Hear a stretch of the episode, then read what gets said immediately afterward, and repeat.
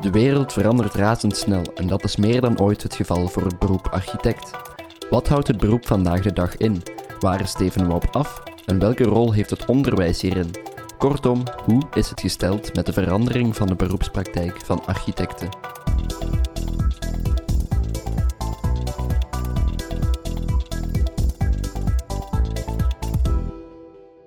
Welkom bij de Architectura-podcast over de verandering van de beroepspraktijk van architecten.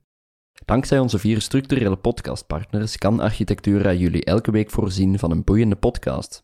In ruil daarvoor kiest elke partner het onderwerp van één van onze podcasts. In deze aflevering is die taak weggelegd voor All Colors of Communication. Onze eerste gast is daarom Christophe de Roek, mede-zaakvoerder van All Colors of Communication en Favorites en twee andere communicatiebureaus. Een van hun specialisaties is de bouwsector. Daardoor heeft hij een goede kijk op de positionering van de architect en hoe die in de markt wordt gezien. En met zijn ruime kennis in de communicatiesector is hij de geschikte gast voor dit onderwerp. Vraag aan, aan 100 mensen, wat doet een architect? Dan gaan die zeggen van tekeningsgemaak van dat huis. Wat dat, wat dat in, in C eigenlijk een zware onderwaardering is voor wat dat er vandaag allemaal al bij komt kijken, of de verwachting die mensen dan uiteindelijk hebben. En waar dat eerlijk ik denk dat architectuur in zijn geheel, of, of, of alle architecten samen, mede de oorzaak van zijn. Maar natuurlijk, wie voelt deze wijziging in de sector het beste aan? Architecten zelf natuurlijk. Daarom is onze tweede gast Vincent van den Broeke, architect en bestuurder bij Blanco Architecten.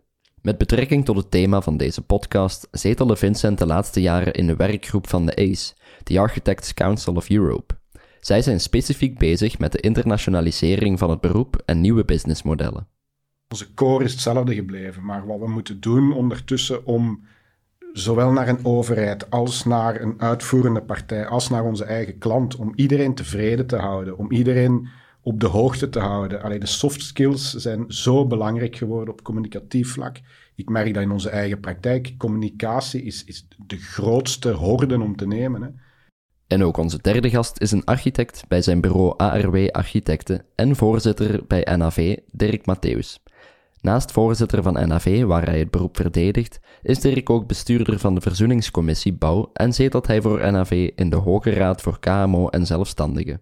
En één dag per week vervult hij ook nog de dienst adviesverlening voor een Vlaamse gemeente. Daar staat hij dus aan de andere kant, wat hem een ruime blik geeft op de sector ik denk een belangrijke uitdaging als het gaat over het juridische, uh, die er zeker aankomt, is het, het juridische rond het vergunningsverhaal.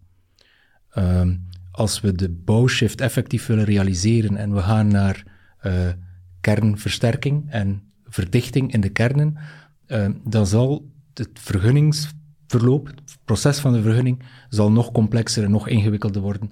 En daar gaan we, wat mij betreft, inderdaad nog meer juridische adviezen moeten hebben, derden die ons daarin adviseren. Um, en ik denk dat de, dat de architect daar nog meer aandacht moet voor hebben. De host van deze aflevering is Lisbeth Verhulst van redactiebureau Palendroom. Mijn naam is Stef Pennemans, ik stond in voor de opnames, montage en voice-over. Deze podcast werd mede mogelijk gemaakt door All Colors of Communication.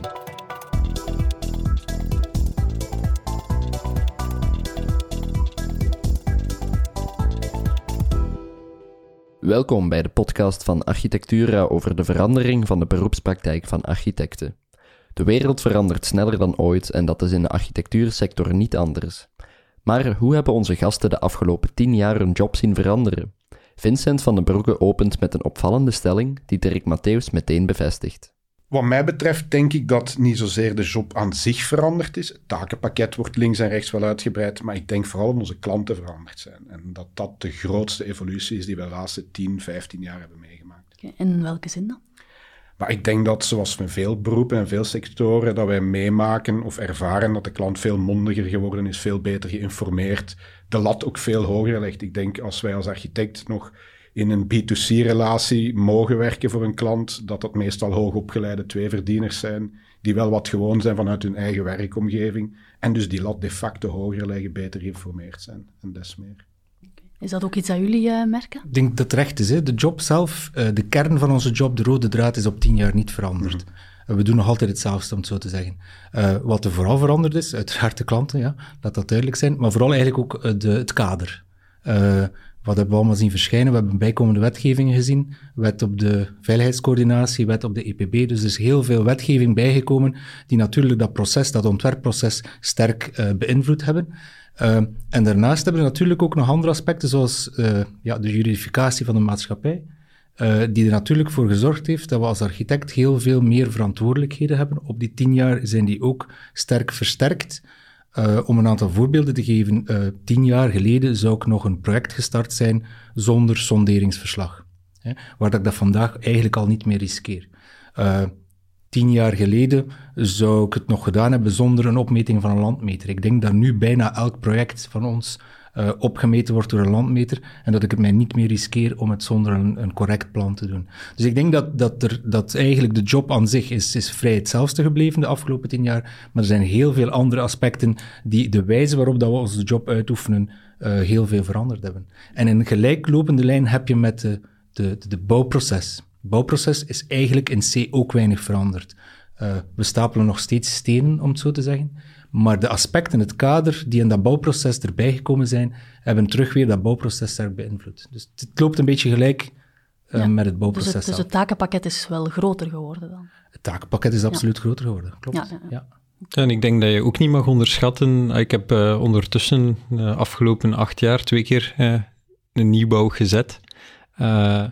Als ik al zie als, als consument zijnde hoe dat de, de regelgeving verstrengd is. En in C is dat op die moment niet mijn probleem. Dat is met een architect zijn probleem, want ik lig daar niet wakker van. Ik wil een mooi huis waar alles in voorzien is. Maar wat ik ook heb gemerkt is eigenlijk dat uh, alle randfenomenen, en dan kijk ik vooral naar producenten en media in zijn breedste vorm, die hebben een gigantische evolutie ondergaan vanuit communicatie waarbij dat eigenlijk de nadruk soms op andere dingen komt te liggen dan waar dat eigenlijk de essentie op, op zou moeten liggen. Als, als ik naar mezelf kijk, ik heb altijd heel veel aandacht gehad voor het feit van, ja, die ruwbouw moet goed zijn, de rest technieken, dat komt later wel. Ja, we zitten vandaag weer in een tijdsgeest waar dat de discussie gaat over we moeten allemaal een warmtepomp zetten. En dan is het voor een architect soms ook volgens mij heel moeilijk om daar tegenwerk in te bieden, omdat iedereen geïnformeerd met een bepaalde visie dat kantoor binnenstapt. Ja, en probeer maar iemand te overtuigen die met A in zijn hoofd zit en, en uh, die denkt van ja, Google dit en Google dat. En dan een architect te hebben die eigenlijk alwetend moet zijn, om, om specifiek op elk puntje van detail daarop in te gaan. Dat is bijna onmogelijk geworden. En ik denk dat dat bijna uh, het, het geval is voor een dokter vandaag ook. We, we, we stappen ergens binnen en, en we weten eigenlijk al alles. En dan moet je al heel sterk in je schoenen staan om iemand nog te overtuigen van dit is eigenlijk een betere keuze. En uh, zeker bij een bouw. Het is niet dat het over uh, een brood gaat dat je even gaat kopen. het gaat over een serieuze investering. Als mensen daar de, foute keuzes maken, is dat gewoon jammer om te zien. Ik denk dat de architecten zelf dat ook wel kunnen beamen, dat dat soms eens vloeken is. Als je iemand uh, merkt dat hij dat eigenlijk uh, ja, een keuze maakt in functie van, van hart in plaats van, van rationeel. Architecten moeten tegenwoordig andere skills hebben dan vroeger. Bijvoorbeeld op communicatief vlak. Dat maakt het dan wel moeilijker om als architect alles zelf te blijven doen, om niet te zeggen haast onmogelijk. Klopt, absoluut. Uh, ik denk inderdaad dat we voorzichtiger moeten geworden zijn. Uh, er zijn veel meer valkuilen dan vroeger. Uh, dus dat betekent dat we inderdaad moeten, moeten uitkijken wat we juist doen. Ik heb het er net eigenlijk al gezegd, we gaan, we gaan het inderdaad anders gaan aanpakken. We blijven natuurlijk die regisseur. Ik denk dat we nog steeds de regisseur zijn van vroeger.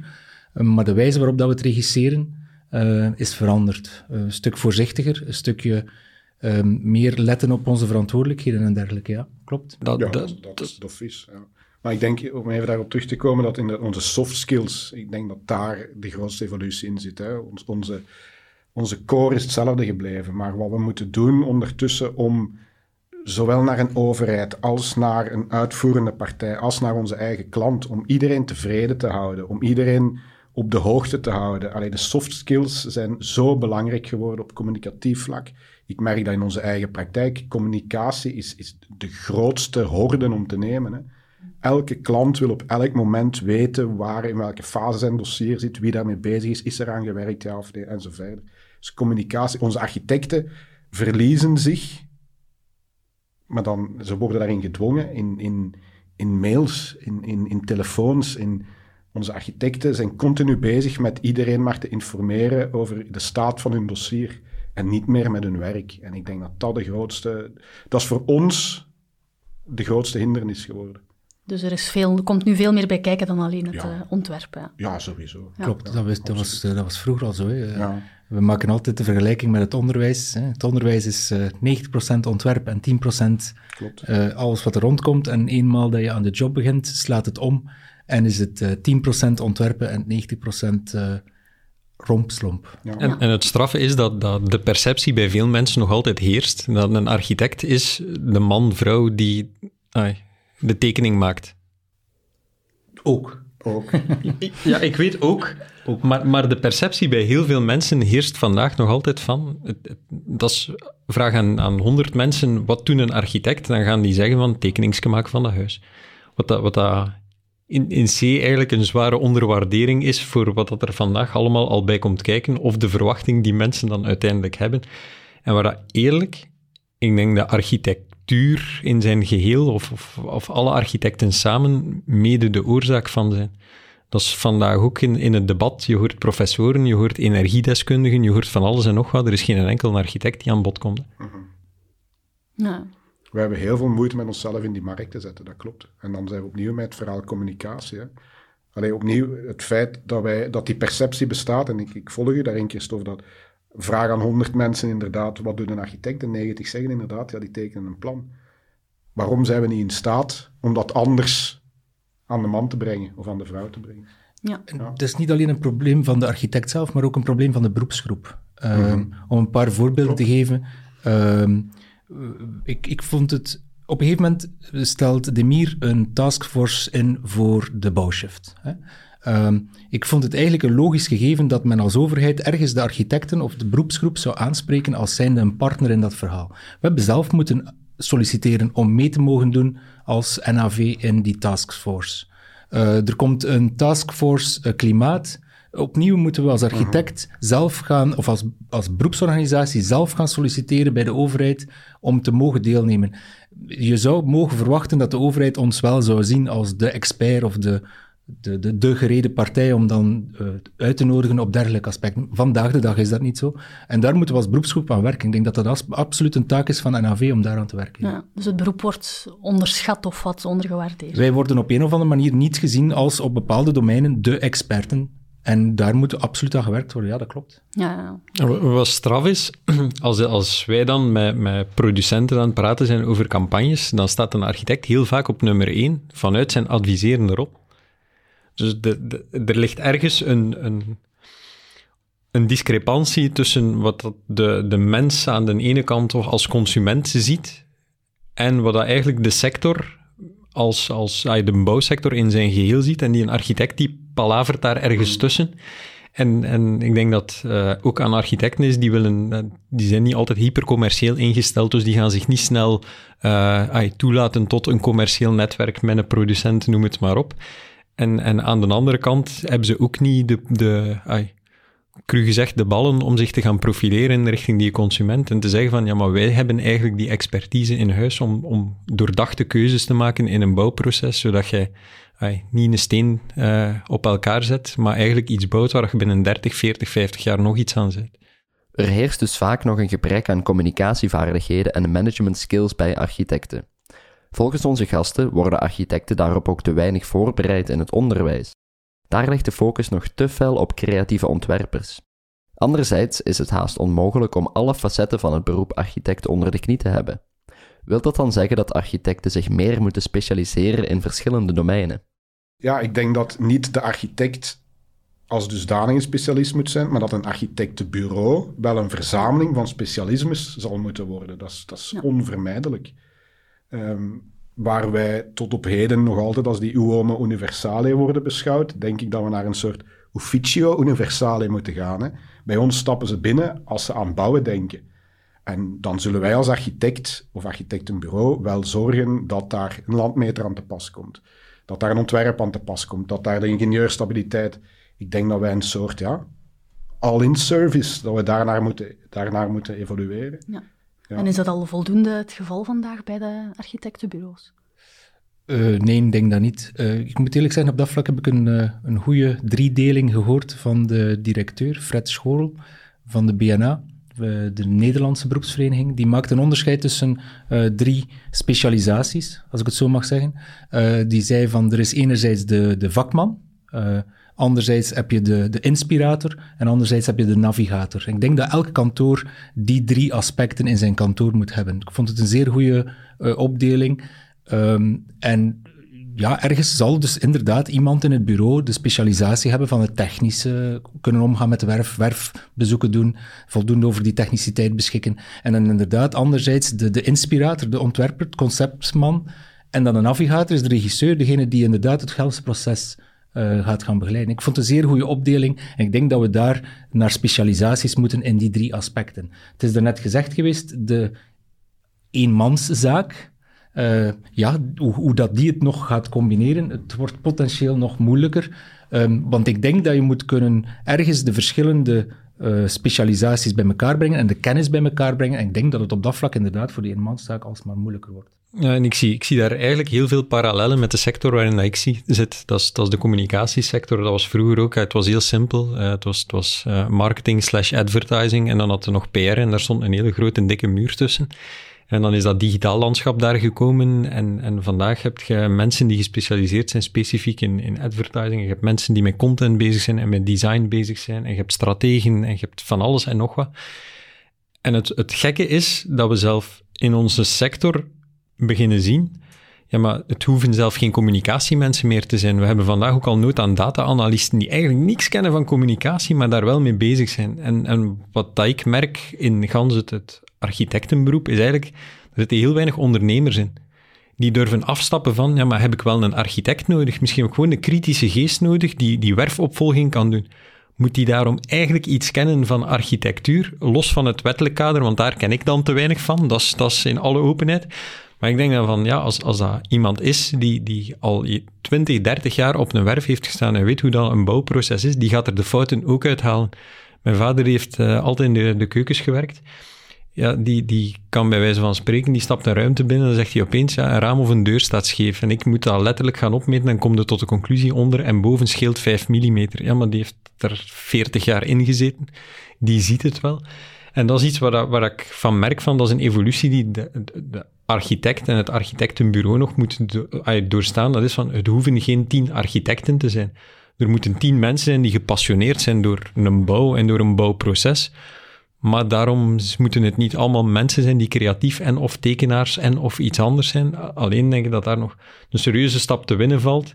Maar aan het uh, geknik of geschut te zien, denk ik dat daar nog een wettelijk kader rondhangt waar, dat, ik, uh, waar, dat, ik, waar dat ik me niet van bewust ja. ben. Ja, hoe zien jullie dat inderdaad als uh, architect Nee, maar ik, ik, ik, volg dat helemaal. Ik denk dat we moeten gaan specialiseren. En specialiseren betekent ook zij-instroom toelaten van, van andere specialismes. Hè. Ik denk dat als het nu gaat, mensen met een kantoor, allee, we zijn nu eerder een half groot kantoor, maar als we spreken kantoren met, met 20, 30, 50 mensen, ik kan me perfect voorstellen, daar zit iemand op HR, daar zit iemand op communicatie en marketing.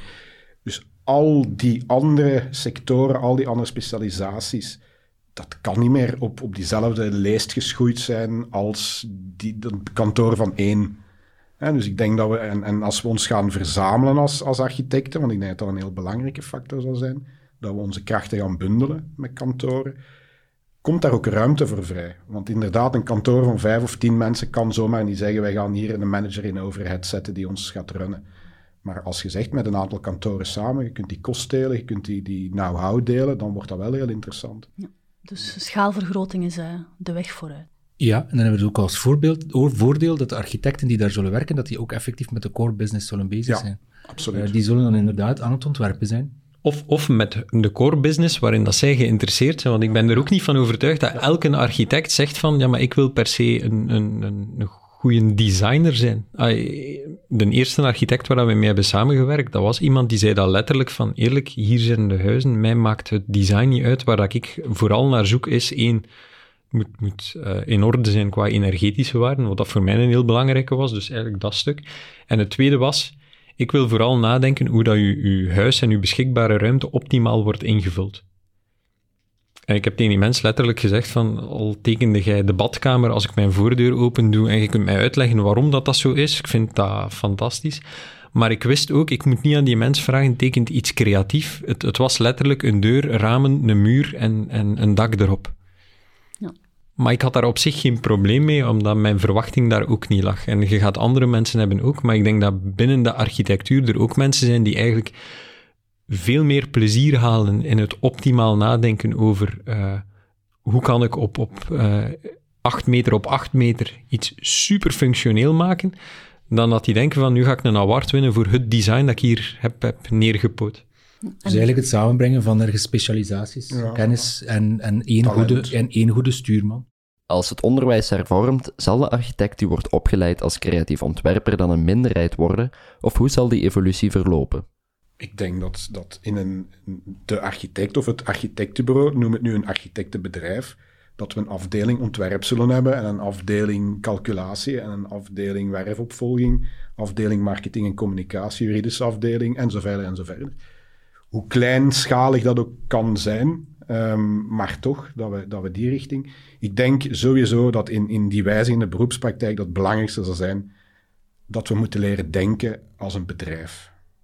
En dat zit er nu nog niet in.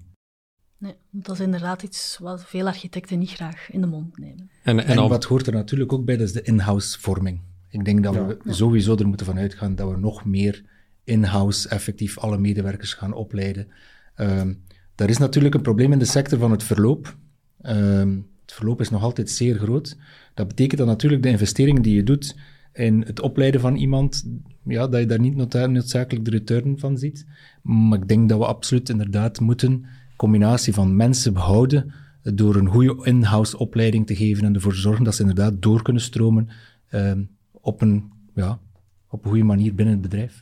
Verloop en, en, personeel hangt ook samen met de positionering en de ambitie dat je hebt als, als bureau op die moment. En, en het is heel makkelijk. Ik bedoel, heel veel architecten komen ook op het ding van, ja, maar op een dag ga ik als zelfstandigen, want ze worden ook deels zo opgeleid. Dat, dat is gewoon een feit. Daar zit niet een directe mindset van, een advocaat wordt eigenlijk ook opgeleid om zelfstandig te worden, maar die weet eigenlijk al, ik word op een dag partner.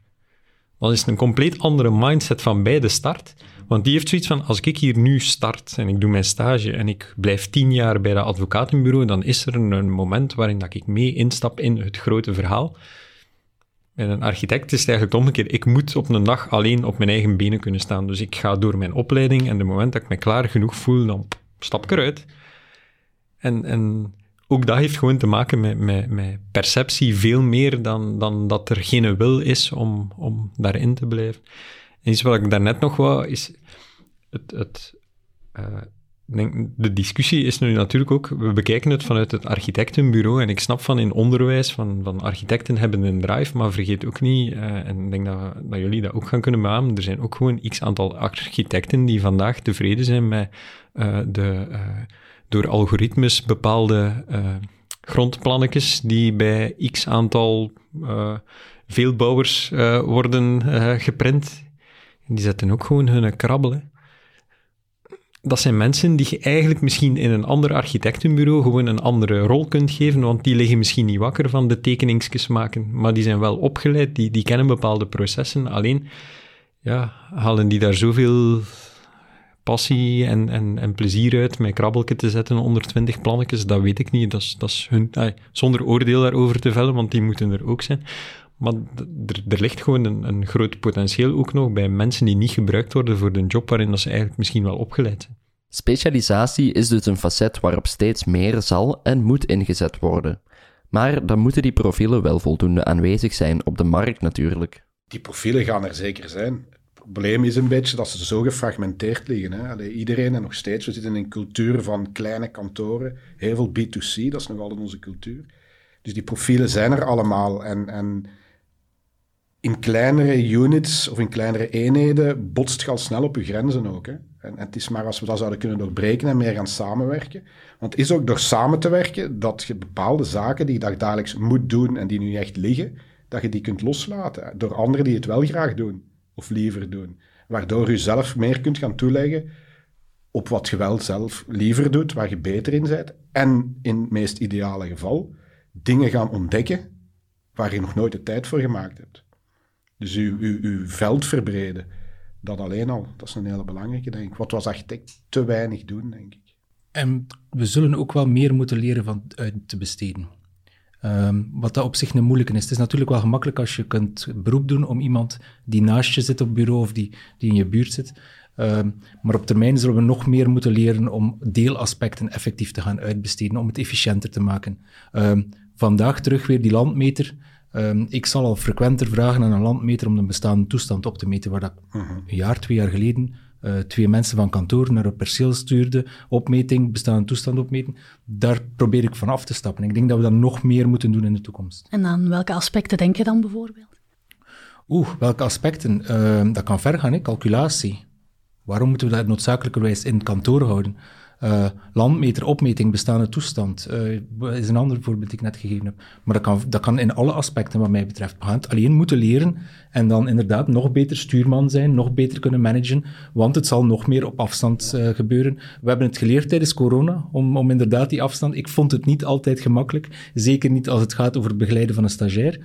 Maar ik denk dat we effectief meer moeten leren om dingen op afstand te doen en het, het proberen van de overview te behouden. Iets waar we niet omheen kunnen is het juridische luik. De regelgeving wordt alsmaar strenger. Vormt dat een grotere uitdaging voor architecten? Ja, ik denk het wel. Hè. Met, met alle omkaderende wetgeving om te beginnen. Ik denk dat wij als onze controleplicht indachtig blijven wij verantwoordelijk tot op dat einde. Um, daarnet even in het hele verhaal eigenlijk is dat nieuw, een nieuw soort businessmodel. Dat je daar zijn, kijk, wij engageren ons voor 15 jaar. Daar gaan we resultaatsverbintenis aan, eigenlijk in zekere zin. Ook dat zou natuurlijk nieuwe juridische uh, uitdagingen met zich meebrengen, hè, waar we op dit moment nog niet worden mee geconfronteerd. Want dat, is, dat is in theorie wat, dat, wat dat, ja, wij werken ook heel veel voor IT-bedrijven. Dat is wat dat ze met een hele moderne term managed services hebben genoemd. Mm -hmm. Dat is van, ik, ik commit mij voor een recurring bedrag per maand om, mm -hmm. of, of per jaar. Of, ik denk dat, dat ook op dat vlak het verdienstenmodel van een architect compleet anders kan ingezet worden. Maar het hangt ook wel samen met, mag het wettelijk en zo, dat is weer een andere discussie. Mm -hmm. Maar qua positionering, ik denk dat er nog zoveel mogelijkheden zijn, maar waarin dat iedereen nog altijd denkt in een project. Een project gedaan en we zijn er vanaf. Ja. Ik denk een belangrijke uitdaging als het gaat over het juridische, uh, die er zeker aankomt, is het, uh, het juridische rond het vergunningsverhaal. Um, als we de bouwshift effectief willen realiseren en we gaan naar uh, kernversterking en verdichting in de kernen, uh, dan zal het vergunningsverloop, het proces van de vergunning, zal nog complexer en nog ingewikkelder worden. En daar gaan we, wat mij betreft, inderdaad nog meer juridische adviezen moeten hebben, derden die ons daarin adviseren. Um, en ik denk dat de, dat de architect daar nog meer aandacht moet voor hebben. Uh, dat zijn uh, notas voldoende gemotiveerd zijn, maar juridisch gemotiveerd zijn. Dat dat beter in elkaar zit. Ja. Maar daar ook denk ik dat wij dan moeten durven zeggen als architect, kijk, dat, past niet meer in ons schuifje. Wij halen daar gewoon specialisten bij. Opnieuw, dat we daar veel meer die rol van regisseur uh, ons toebedelen dan het feit dat we het allemaal zelf zouden moeten kunnen. Ja, ja. Uitbesteden waar mogelijk. Absoluut. Natuurlijk verandert niet alleen het beroep van architect en al zeker niet alleen in België. Zijn er lessen die we kunnen trekken uit andere beroepen of andere landen? Voor de job, als, het, als je kijkt naar Nederland, af en toe kijk ik toch wel eens naar Nederland als voorbeeldland. Um, ik vind bijvoorbeeld dat het bouwbesluit op dat vlak het architecten gemakkelijker maakt om een job te doen. Het bouwbesluit in Nederland is, is concreter. Daar, uh, simpel voorbeeld, afmeting van een wc staan gewoon in het bouwbesluit. Hè. Uh, in Vlaanderen heb je per gemeente uh, bouwvoorschriften en daar is de minimale hoogte van een verdieping in Gent is 2,50 meter. In andere gemeenten is het minimaal 2,40 wat het, wat, Er is een, een chaos en een, een wildgroei aan voorschriften, gemeente per gemeente, waar dat ik denk dat bijvoorbeeld het, het bouwbesluit in Nederland voor de architect veel makkelijker maakt. Um, er is nu ook de Nederlandse verplichting van de kwaliteitscontrole is ingevoerd voor, uh, ik denk in fases, eerst voor woningbouw. Um, maar daar zie je dus inderdaad dat de overheid eigenlijk uitbesteed heeft aan de private sector om het bouwbesluit te gaan controleren of het effectief correct wordt toegepast. Een stukje privatisering van de job van de overheid gaat naar die kwaliteitscontroleurs. Er is dus een externe partij die naast de architect komt te staan voor de kwaliteitscontrole. Um, op zich vind ik het geen slecht principe. Ook daar weer word ik als architect een stukje ontlast van de zorg of mijn ontwerp aan alle mogelijke regeltjes voldoet. En er is een, in plaats van een EPB-verslaggever, is er dan ook nog eens iemand die kijkt of het allemaal conform wetgeving en dergelijke is. Wat, wat ik op zich wel terug weer uitbesteden, uitbesteden, uitbesteden. Dus dat vind ik wel een, een vereenvoudiging potentieel van de architectenjob, uh, waar dat we toch eventueel wel een voorbeeld kunnen nemen. Ja. Maar kan dat hier wettelijk? Onze VCRO is daar absoluut niet op afgestemd. Nee.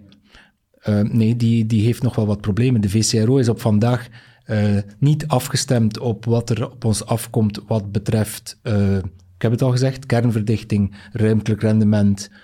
daar zou hij veel flexibeler moeten zijn. Zou ons veel meer, moest die veel flexibeler opgemaakt zijn, dan zouden we veel meer creativiteit aan de dag kunnen brengen om die projecten in die steden te gaan realiseren, die kernverdichting, die ruimtelijk rendement. en anderzijds is die VCRO, zou die uitgebreid kunnen worden met een aantal details, met een aantal technische uitwerkingen, zodanig dat er weer een uniform, uh, een uniforme regelgeving, verordening, verordening komt op Vlaams niveau, waardoor dat het voor architecten toch wel wat duidelijker is, ja. Nu, los daarvan staan wij natuurlijk in België, als we dan de Europese context bekijken, op het vlak van beroepspraktijk en ondernemerschap in een heel unieke situatie, dankzij ons monopolie. Dankzij of wegens Um, waar toch wel wat stemmen bij ons zeggen, kijk, we moeten dat toch in vraag durven stellen, heb ik met Europese collega's ook mogen ervaren dat dit daar wel toch, allez, je kijkt altijd, het gras is altijd groener aan de andere kant. Waar in Europa dat niet bestaat, eh, zeggen ze tegen ons, ja, jullie zitten wel in een luxe situatie in die markt, want de mensen moeten via jullie passeren. Nu, op vlak van ondernemerschap, de met de aannemer en, en dergelijke meer, ja, legt dat ons toch wel wat beperkingen op die elders in Europa niet het geval zijn, waar architecten wel anders aan de slag kunnen en anders kunnen ondernemen. Dus in die zin, als we dan toch even naar buiten de grenzen kijken en hoe is het in andere landen, ja, het is manifest, het wettelijk kader is gewoon heel anders. Ook daar zou het in, in het kader van internationalisering, de wereld wordt kleiner voor iedereen, maar wij zitten hier eigenlijk op een lapje grond te midden van Europa, waar wij heel andere spelregels hebben als ons omringende landen, waar onze concurrentiepositie heel anders is. Dus ook daar zou toch wel ergens een, een Europese visie, een Europese lijn, zou toch ook wel bijdragen aan, aan meer kansen, denk ik, over de grenzen heen. Ja, oké. Okay. Nou, dus het wetgevende kader zet sowieso nog een rem op die evolutie op dit moment. Klopt, ik denk dat dat een van de grootste game changers ja mogelijk is die op ons afkomt. En dat is inderdaad de hervorming van de wet van uh, eh, 39, waar we inderdaad, uh, zoals Vincent het zegt, moeten nadenken over willen we dat monopolie behouden of willen we dat niet behouden. Die verenigbaar, onverenigbaarheid met beroep van aannemer, willen we dat behouden willen we dat, of willen we dat nog? Um, dus dat wordt een van de belangrijkste thema's van, de van het komende jaar, denk ik zelf. Um, daarbij hoort natuurlijk ook de ontwikkeling naar de hervorming van, de, van het team. Hè? De, de huidige driehoek. Uh, wat gaan we daarvan maken? Moet dat hè, de ronde tafel worden, waarbij dat de verschillende spelers een, een, evenwaardig, uh, een evenwaardige verantwoordelijkheid hebben op het moment dat ze aan tafel komen? Uh, vraagstukken, nog geen antwoord op. Ja, want het uh, overgrote deel van de architectenbureaus is vandaag nog een eenmanszaak. Dus dat is wel nog een hele grote evolutie die er moet gemaakt worden. Ja, dat is een hele grote stap. Want inderdaad, een van de laatste publicaties van de ACE um, vermeldt dat ook. Hè. 93% van de architectenbureaus in Europa is kleiner dan vijf voltijdse equivalenten. En zelfs uh, eh, 65% zijn mensen alleen. Dus je zit daar met zo'n gefragmenteerd landschap. Een landschap van professionals die eigenlijk totaal geen financiële slagkracht hebben. Hè. Want alleen of met een bureau van vier, vijf mensen heb je heel weinig financiële slagkracht om te professionaliseren, om andere specialis specialisaties aan te trekken. Dus in die zin is dat, is dat nog een enorme weg te gaan, denk ik, qua schaalvergroting. Denk dat dat... Tenzij dat ik natuurlijk als eenmanszaak uh, zo goed kan delegeren uh, en dat ik voldoende uitbesteed en dat ik al mijn deelaspecten voldoende onder controle heb, dan zou het wel kunnen zijn dat er nog altijd wel een, een taak weggelegd is voor eenmanszaken. Dus het, het, zal, het zal een beetje evolueren hoe je het, hoe je het dan aanpakt. Uh, ik denk niet dat de eenmanszaak ten dode opgeschreven is. Okay. Nou, ik denk dat dat gewoon de term freelancer gaat worden. Alleen dan moet de rest van de sector ook in, op die manier gaan denken. Dat, dat, is, dat is, in heel veel sectoren is dat nu eenmaal zo. Je hoeft niet alles in huis. Ja, kijk, kijk puur naar, naar alles wat te maken heeft met uh, het audiovisuele. Drie kwart van de mensen werkt daar effectief als, als zelfstandige alleen, maar eigenlijk werken die constant in team en in opdracht van. Uh, en ook daarin, en, en dat gaat een hele belangrijke zijn, ik denk dat aan de, aan de architect zelf is om zich op een juiste manier ook te gaan positioneren en te gaan presenteren vanuit de passie en wat wil je zelf doen. Ik denk dat als er morgen een architect opstaat die zegt van, man, ik vind werfopvolging het geweldigste dat er is, en die stuurt naar twintig bureaus of ah, conculega's, collega's, een berichtje van, zeg, weet je wat ik niet wil doen? Dat is mensen die bij mij komen en dat plan tekenen. I hate it, maar werf op, laat dag in mijn auto zitten. ik denk dat iedereen gewoon zegt, wanneer begint als ik, het businessmodel, als, ik, als ik het businessmodel zie van sommige coördinatiebureaus, en als ik dan zie wat voor percentage zij uh, krijgen, hè, en het wordt betaald, daar wordt niet over gediscussieerd. Bij ons wordt er over gediscussieerd, maar bij coördinatiesbureaus wordt er dan niet over gediscussieerd. Dan denk ik dat ze soms beter verdienen dan uh, sommige architecten. Ja, maar, maar, maar, heel veel van, van verdiensten en, en de perceptie van een architect is duur, is ook gewoon om het feit van, je kijkt weer naar, ja, maar dat is, hij is jij alleen, voor een plannetje te tekenen. 10, 15.000 euro, ja, dat is goed verdiend, hè? Al de rest heb je niet gezien. En, en ik denk dat bijvoorbeeld de, de, de profilering vanuit een, een, of dat nu een bureau is of een netwerk van architecten, waarbij dat je letterlijk kunt zeggen, bij ons is dat ook, hè. Uh, als je, als je een brochure moet maken, een brochure kost in, in verhouding ongelooflijk veel geld. Tot als je begint van, ja, maar er is iemand die daar strategisch moet mee wat, wat gaan we communiceren? Er moet iemand schrijven, dus we hebben een copywriter nodig. Er moet iemand designen, dus we hebben een designer nodig. Er moet dat iemand controleren ook, er mogen geen typfouten in staan, er mogen geen punten en pixels en van alles nog. Ah ja, en, en we moeten nog naar een drukker sturen, want dat moet nog gedrukt worden, maar we moeten daar eigenlijk een, een, iets digitaal van maken. Op een duur hebben ze van, ja, maar wacht een keer, hebben we zes man. Ah ja, maar ja, dan snap ik het dat dat zoveel geld kost. Het, het probleem van die een architect alleen is opeens van, ja, maar jij bent superman. En, en als dat opgesplitst wordt in functie van, ja, maar kijk, jij betaalt niet zozeer voor dat plan, je betaalt voor A, B, C, D, E, F, G, en, en dat wordt op een, op een juiste manier gepresenteerd, dan denk ik dat veel mensen ook al zoiets gaan hebben van, Oh ja, maar dat snap ik. Met kwesties als de renovatieverplichting in het achterhoofd wordt het belang van de architect alleen maar groter. Maar de consument beseft dat vaak nog onvoldoende. Op, op een of andere manier ziet hij ons nog te veel als een verplichting. Ja. En als een kost? Als een kost en een verplichting. En op een of andere manier geraken we nog altijd niet af van dat imago. Uh, dus dat is, dat is een groot probleem waar we moeten aan werken. En, en een deel waar, waar dat ik... Maar dat kan ik te weinig inschatten. Dat is natuurlijk ook uh, ik geloof heel sterk in, je werkt meestal voor de mensen die je aantrekt. En ofwel matcht dat, ofwel matcht dat niet. En als dat niet matcht, moet je er niet aan beginnen. Uh, ik denk dat architecten soms ook te veel tijd steken in dingen die soms tot niets leiden.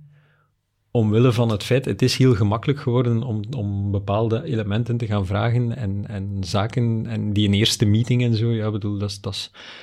Maar je geeft sowieso al advies waarin dat je eigenlijk ook al bijna mocht gaan zeggen van ja, maar dat advies op zich is ook al geld waard. Dus positioneer je anders. Je kunt uh, heel simpele dingen, maak een website. Als je alleen maar moderne witte blokken wilt zetten, zet je website vol met witte blokken. En er gaat niemand bij u komen voor een pastorie. Of het is iemand die echt het niet gezien heeft, om een of andere reden. Maar dat is hetzelfde met, je kunt net het publiek aantrekken door, door bepaalde communicatieuitingen of, of dingen te gaan positioneren, waardoor je eigenlijk het juiste publiek aantrekt.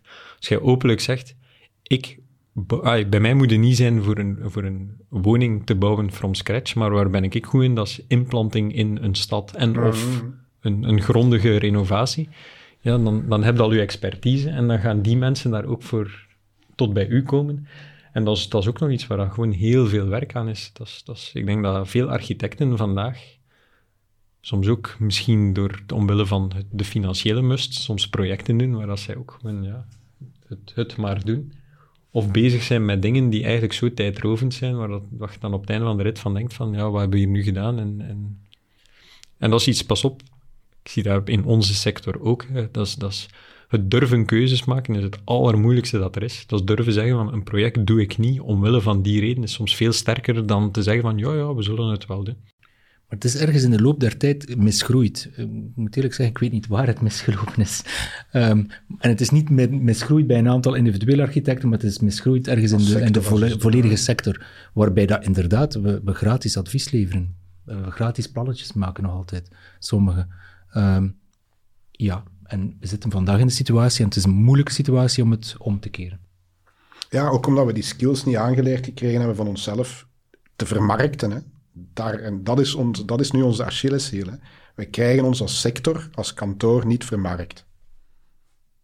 Dat, dat, hoe gaan we daarmee om? Hoe gaan wij aan de klant eenduidig uitleggen van kijk, zoals Christophe net zegt, wij doen dat en dat en dat en dat. Ik heb ooit de vergelijking gehoord van de beste restaurants nu, de sterrenrestaurants, allemaal restaurants met open keuken.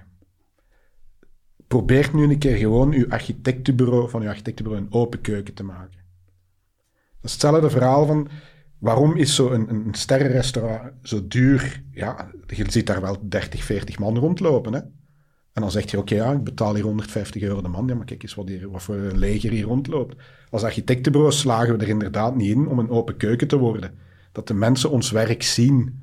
En ik denk dat dat een hele belangrijke is. Zo gauw we die switch kunnen maken, dat de mensen effectief zien wat de effort is achter al wat wij naar buiten brengen, dan gaat dat gemakkelijker worden. Maar op een of andere manier...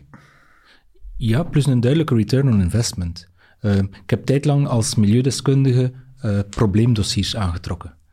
Uh, en daar zat, daar zat bij wijze van spreken een, exploitant en die had massa's PV's, uh, zat in de problemen met milieuinspectie. die kwam dan inderdaad bij mij en de, je, je dossier komt binnen, je pakt dat aan en je ziet eigenlijk als je, als je een tijdje met die klant samenwerkt, een jaar, dat is wel een ander gegeven als je als milieudeskunde, is dat meer een, een lange termijn samenwerking met uw exploitant. Um, en dan zie je ook dat je dat, dat, dat bedrijf terug op, op, op de rails krijgt, om het zo te zeggen. En de waardering die je dan krijgt van die exploitant van oei, milieuinspectie valt mij niet meer lastig, uh, ik ben van mijn pv's vanaf, uh, oké, ik heb hier wel een boete gehad, maar goed, we gaan vanaf nu weer kunnen mijn, mijn schone lei. Die, die klant ziet jou anders en, en op dezelfde moment had ik ook architectuurprojecten natuurlijk, waar ik dan zag van, ja, eigenlijk die waardering zit niet op dezelfde manier bij mijn architectuurklanten dan dat die bij mijn milieuklanten zitten. En eerlijk gezegd, mijn milieuklanten gaven mij op dat moment ook meer energie dan mijn architectuurklanten, die dan oké, content waren, maar niet op dezelfde manier zeiden van, wauw, je hebt hier, hebt hier iets gerealiseerd voor ons. En waarom ook? Omdat natuurlijk in vele gevallen de aannemer, als er iets misliep op de werf, ze hebben een stressvol jaar gehad. Um, dus dat stressvol jaar, dat reflecteert dan ook wel een beetje op hoe dat ze naar de architect kijken, want hij heeft het gecoördineerd, hij staat aan het stuur en blijkbaar heeft hij dan toch nog veel stress meegebracht. Moeten ze nog verwerken. Dus die appreciatie is, is anders en, en dat, dat, dus, ja, dat is een belangrijk verschil. Ik denk als je de verplichting zou kunnen wegnemen, dat dat verandert. Voor ja, een stuk, initieel zeker. Ja, of als, als, je, als, als, als de architect zelf de, de uh, bijvoorbeeld de, de, het wettelijk kader van de tien jaar verantwoordelijkheid neemt als een opportuniteit en niet ziet als, als iets van het is, er, maar het is er ook weer bijgelapt. In die zin van, je weet dat iemand x betaalt. Je kunt ook gewoon zeggen, van eigenlijk betalen we dat voor tien jaar. Weten we wat we gaan doen? Met een drie jaar zitten we nog eens samen en wandelen we door je huis. Er is geen enkel architect die dat doet. Hè. Die gewoon zegt van, in drie jaar kom ik nog eens langs en gaan we eens kijken van, waar zitten nu? Hoe loopt het? Dat zit in die prijs, maar de moment dat je daar zit, heb je twee mogelijkheden. Of die, die klant is super content. En je hebt je kop gezien, je hebt je plicht gedaan. Oké, je bent een, een, een, uur van je tijd kwijt geweest. Of tweede is, weet je waarom dat spijtig is? Ik had eigenlijk toch liever gehad dat er hier zo nog een klein hoekje aan was. Dat dat toch... Ja, maar weet je waarom? voor, voor duizend euro extra gaan we dat, dat en dat en dat doen. En, en we beginnen daaraan. Wat is uw budget? Kopt hem binnen, hè. Maar niemand doet dat. Een architect die levert een huis af, die is tien jaar verantwoordelijk voor dat huis, maar die vergeet om daar ooit nog eens een voet binnen te zetten, gewoon om te vragen, en hoe is het? Is er nog iets voor dat? Dat snap ik niet. Die Alleen... businessplannen, heeft het gemiddelde architectenbureau dat vandaag? Maar dat, zijn er heel, dat, is, dat is heel laagdrempelig hoor. We, we, zijn er gewoon niet mee bezig. Maar ik denk inderdaad op een heel eenvoudige wijze, want dat, dat kost niet veel qua investering.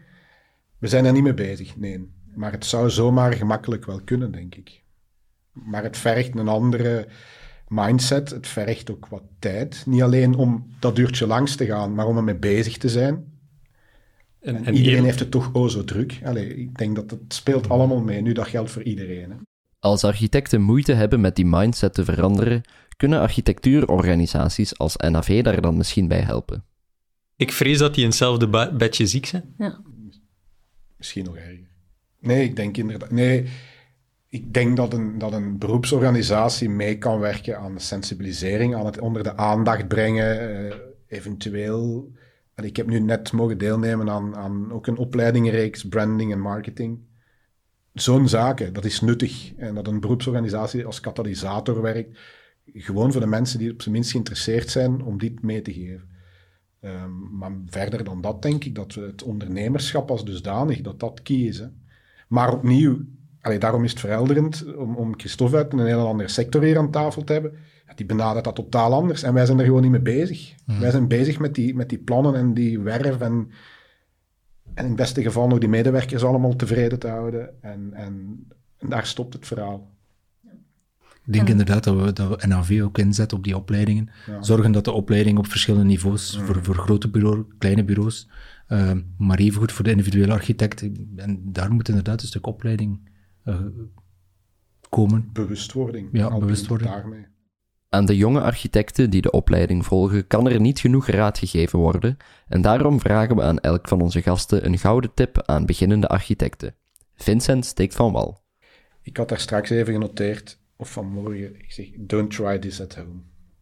En daarmee bedoel ik van, informeer u, eh, breid, alleen, maak een netwerk. Ehm, er zijn zoveel mensen met andere inzichten, met andere kennis, dus, dus probeer het niet zomaar op uw eigen, eh, vandaag de dag. Ik denk dat je moet verzamelen, dat je moet omringen met, ze- zelfs niet zozeer met gelijkdenken, maar met anders denken, om nieuwe inzichten te krijgen.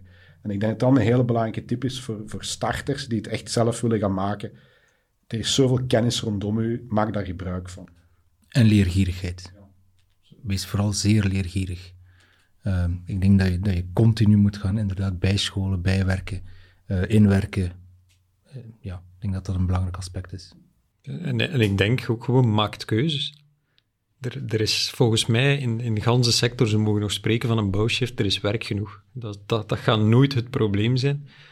Uh, maar ik denk dat, dat iemand die start moet durven keuzes maken in functie van, ja, maar wat wilt je doen? En welke richting wilt je uit? En u daar ook aan houden, want dat is de enige manier om... Dat geldt voor iedereen. Je start aan je carrière en je weet, binnen 40 jaar moet je dat nog doen. Als je binnen 40 jaar nog de helft van je tijd moet bezig zijn met dingen die je niet graag doet, dat hou je gewoon niet vol. We sluiten de podcast naar goede gewoonte af met een inspirerende architectuurquote van elk van onze gasten. De eerste is van Vincent. We hebben het daarnet gehad over dat, dat we als architect nogal de neiging hebben om kop in de grond en te werken en te werken en te werken. En dat doen we zeer goed, denk ik. Um, en ik heb dan ook een quote genoteerd, die ook in de laatste publicatie van, van de ACE is terechtgekomen. En daar hebben wij gezegd van, kijk, architecten moeten leren om meer tijd te maken om aan hun, aan hun bedrijf te werken. En niet alleen in hun bedrijf. En ik denk op het moment dat we het besef kunnen nemen dat we even uit ons bedrijf een helikopterview kunnen creëren, dat het dan veel beter gaat worden. En dat we meer inzichten of andere inzichten gaan krijgen. De volgende komt van Dirk. Uh, ik heb een eenvoudige genomen. Uh, een maat van mij zei ooit: een architect heeft altijd een plan. Uh, letterlijk en figuurlijk altijd een plan. Ehm, ik denk dat we, dat we sowieso met de creativiteit die we hebben, dat we wel altijd oplossinggericht iets naar buiten brengen. En altijd wel. We hebben, de, we hebben met NAV een visieweekend georganiseerd, waarbij dat we het inderdaad gehad hebben over de toekomst van het beroep. En dat was, we hebben ons laten begeleiden door uh, een bureau, drie dames. En een van de dames zei dat ze, het op, dat ze, had dat principe, dat concept al een aantal keer toegepast, zoals dat ze het aangepakt hadden. En een van de opmerkelijke zaken anders dan anders was dat de, de, groep die aanwezig was, de groep architecten, dat ze sowieso de drang hadden om op het einde van de rit wel met iets naar buiten te komen. Hè? Waar dat, dat bij andere oefeningen die ze in het verleden gedaan had, minder sterk naar buiten komt.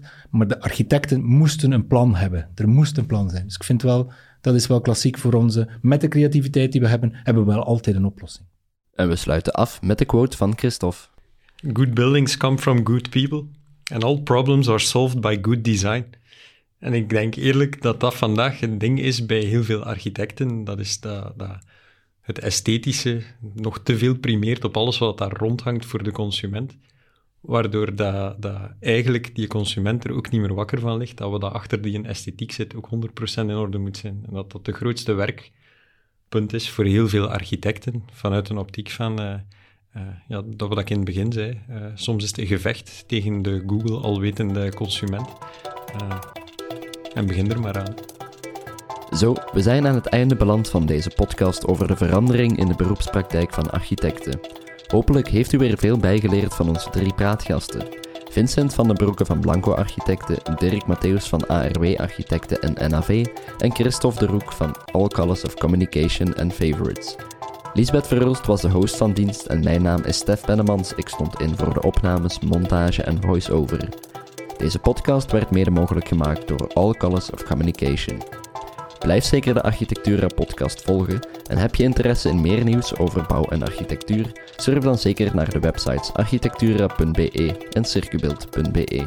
Tot horens!